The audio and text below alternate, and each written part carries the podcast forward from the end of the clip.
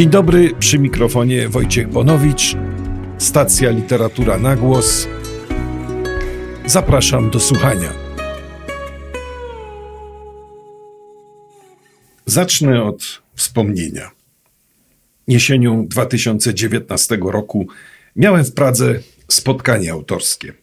Wspólnie z poetą Milanem Derzyńskim mieliśmy czytać wiersze w popularnej księgarni przy ulicy Italskiej. Miejsce to, nawiasem mówiąc, tylko w połowie było księgarnią, bo serwowało również jedzenie i napitki, między innymi przywożone z Polski pierogi i żubrówkę. Nazywało się Bożska Lachwice, boska butelka. Otóż kiedy na pół godziny przed spotkaniem wszedłem do boskiej butelki, moją uwagę zwrócił od razu jasny regał z książkami – ułożonymi i oświetlonymi tak, żeby wyeksponować przede wszystkim jeden tytuł. Była to wydana właśnie Mona, najnowsza powieść Bianki Belowej. Wchodzący od razu brali ją do ręki, niektórzy kupowali, nawet nie przeglądając. A kiedy chwilę później na spotkaniu pojawiła się sama Bianka wraz z mężem Adrianem, widać było, że fakt ten wywołał od razu poruszenie wśród zgromadzonych. Dowiedziałem się potem, że Bianka Belowa rzadko pojawia się na tego typu wydarzeniach, że męczy ją popularność i okazywane jej zainteresowanie, wreszcie, że nie lubi nazywać siebie pisarką, woli autorką, bo to określenie mniej zobowiązujące, nieobciążone pewnymi instytucjonalnymi skojarzeniami. Zgromadzeni nie mogli wiedzieć, że kilka miesięcy wcześniej poznaliśmy się z Bianką i Adrianem we Wrocławiu, że polubiliśmy się i zaprzyjaźnili. Tego wieczoru w Pradze dostałem zresztą od Bianki w prezencie małą, słodką Pawlową w kartonowym pudełeczku. Bianka Belowa jest w Polsce znana jako autorka dwóch powieści, wydanego trzy lata temu Jeziora, które nominowane było do Literackiej Nagrody Europy Środkowej Angelus – stąd jej wizyta we Wrocławiu, oraz opublikowanej ostatnio wspomnianej Mony. Obie powieści ukazały się w przekładzie Anny Radwan-Żbikowskiej nakładem wrocławskiego wydawnictwa Afera. Współczesne pisarki i pisarzy można podzielić z grubsza na dwie grupy. Na takie czy takich, którzy wierzą jeszcze w moc opowieści, fabułę budowaną z bohaterów i wydarzeń – i takie, i takich, dla których bohaterowie i wydarzenia są czymś drugorzędnym wobec samego aktu mówienia, pisania, opowiadania. Bianka Belowa należy do tej pierwszej grupy. Najważniejsza jest dla mnie opowieść. Nie pociągają mnie książki, w których jej brakuje. Uważam, że to nieuczciwe i nie w porządku wobec czytelnika, powiedziała w jednym z wywiadów. Obie wspomniane powieści mają podobny charakter. Można je potraktować jako coś w rodzaju współczesnej baśni, współczesnego mitu, w którym możemy się przejrzeć, w konfrontacji z którym możemy spróbować odpowiedzieć sobie na podstawowe pytania o sens własnego losu. Obie mają wyrazistych pierwszoplanowych bohaterów, którzy przechodzą proces przemiany, dojrzewania, odkrywania tego, czemu warto poświęcić życie. Bohaterowie ci zresztą są do siebie podobni.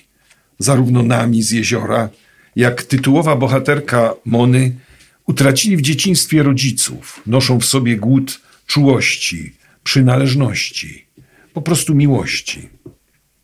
Podobne są też światy, które ich otaczają. Świat na granicy rozpadu, albo raczej w trakcie rozpadu. W jeziorze katastrofa społeczna idzie w parze z ekologiczną. Dezintegracja więzi, brutalizacja relacji międzyludzkich postępują równolegle z wysychaniem tytułowego jeziora. W Monie oglądamy z kolei świat w trakcie rewolucji, która zaprowadza opresyjny porządek, ale też nieuchronnie prowadzi do dewastacji tego, co materialne.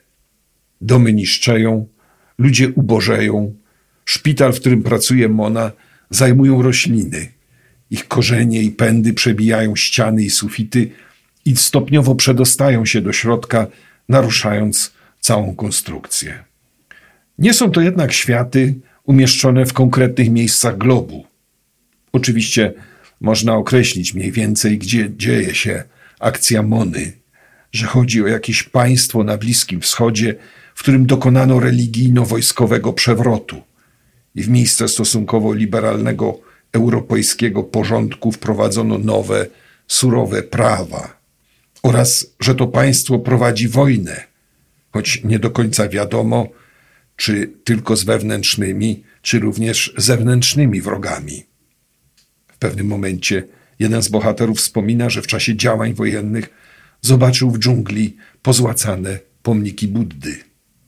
A jednak opowieść jest tak budowana, żeby ten adres nie był dokładny, a my, czytający, żebyśmy mieli wrażenie, że to, o czym mowa, dzieje się gdzieś daleko, ale równocześnie blisko.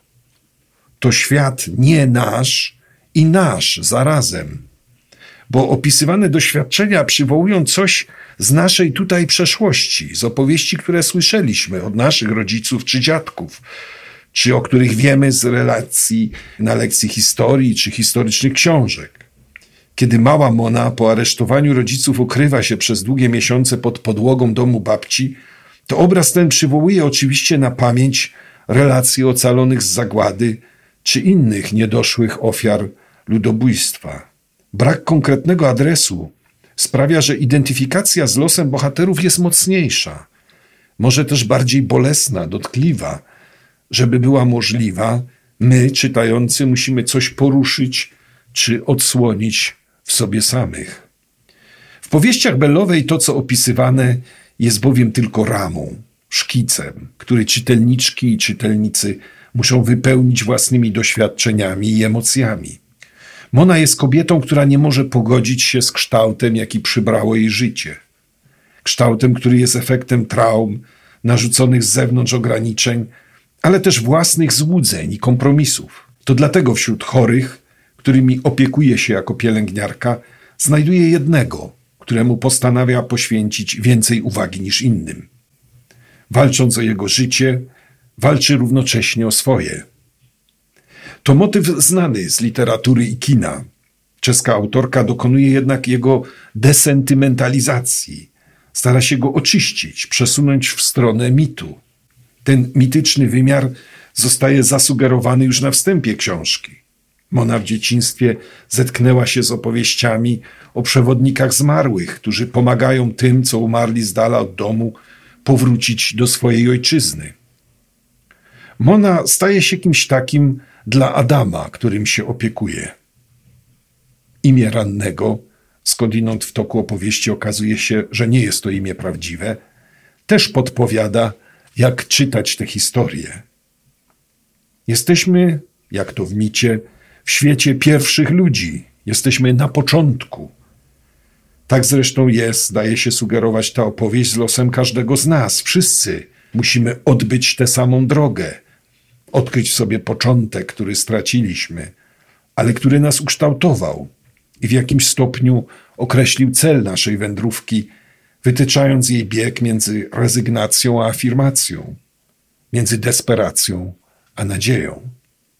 W rozmowie z Aleksandrą Chudymacz, przeprowadzonej w ubiegłym roku podczas festiwalu Konrada, można tę rozmowę obejrzeć w internecie, Bianka Belowa mówiła między innymi o tym, że momenty straty są kluczowymi momentami naszego życia. Począwszy od chwili, kiedy zostajemy oddzieleni od matki, do starości, kiedy zaczynamy tracić siły, pamięć, czasem nawet zdolność przyjmowania jedzenia. Autorka porównała Monę do Szeherezady. Mona każdego dnia opowiada Adamowi jakąś historię. Są to historie z jej życia, choć opowiadając je, Mona chce przede wszystkim ratować życie Adama. A z drugiej strony, ona sama, dzięki temu opowiadaniu, jakoś siebie chroni.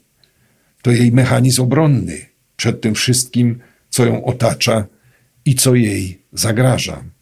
Na swój sposób Mona próbuje odwrócić coś, co jest nieodwracalne, powiedziała we wspomnianej rozmowie Bellowa. Pozwólcie Państwo, że przeczytam krótki, końcowy fragment. Cichy poranek. Kiedy wywozi Adama na wózku, nie spotykają nikogo. Mona czuje, że tak właśnie miało być. Wychodzą ze szpitala, za ich plecami trzeszczy ściana nośna. Mona ma wrażenie, że budynek wzdycha z bólu, jakby w środku kogoś zamurowano. Bez wątpienia szpital, który jeszcze w dzieciństwie nazywano imieniem Damiana, rozpadnie się w pył i nie potrwa to już długo. Pozdrawia starego portiera. Kiedy zaczynała tu pracować, zawsze wgapiał się w nią lubieżnie i nie odpowiadał na powitania. Teraz już niemal całkiem stracił wzrok. Nie rozpoznaje nawet, kto obok niego przechodzi, chociaż ma na nosie okulary ze szkłami grubości dziecięcego palca. Mona wykonuje w jego stronę obelżywy gest, a on wcale nie reaguje. Mona uśmiecha się. Pierwszy raz w życiu zrobiła coś takiego. Adamowi na wózku opada głowa. Na gładkiej powierzchni szpitalnych korytarzy to jeszcze nie był problem, ale na porozbijanych chodnikach miasta wózkiem bardzo trzęsie i jego głowa kołysze się z boku na bok. Ulice są wciąż niemal puste, tylko na targ zjeżdżają się już sprzedawcy z dwukółkami, rozkładają swoje towary na straganach. Ona zdejmuje chustę z głowy i wystawia twarz na blade, jasno-różowe, poranne słońce. Powtórzę jeszcze raz. Powieść Bianki Bellowej dostarcza nam tylko ramy, szkicu. Styl autorki, jak słyszeliśmy, jest powściągliwy, oszczędny, zdyscyplinowany. Żeby polubić jej książki, trzeba zaakceptować tę rzeczowość i lakoniczność. Także jej dyskretne poczucie humoru, dyskretną przewrotność. Jest Monie taka scena, kiedy dwóch chłopców z górskiej wioski obserwuje latający spodek, który bezszelestnie osiadł na leśnej polanie. Spod tego niezwykłego pojazdu wydobywa się miękkie zielone światło.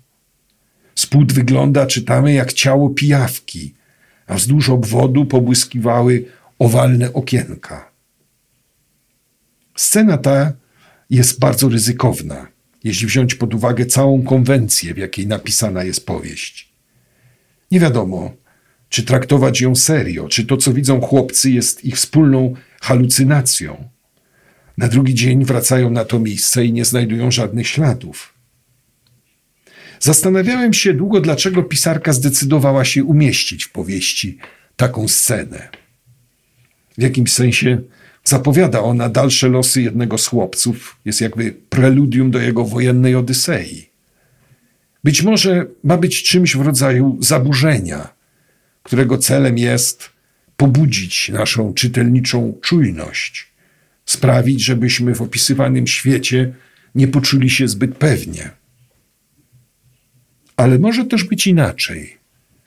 Może to być po prostu żart autorki, drobna przyjemność, którą sprawiła sobie pisząc. Jak ta słodka Pawlowa, którą przyniosła mi na spotkanie w kartonowym pudełeczku.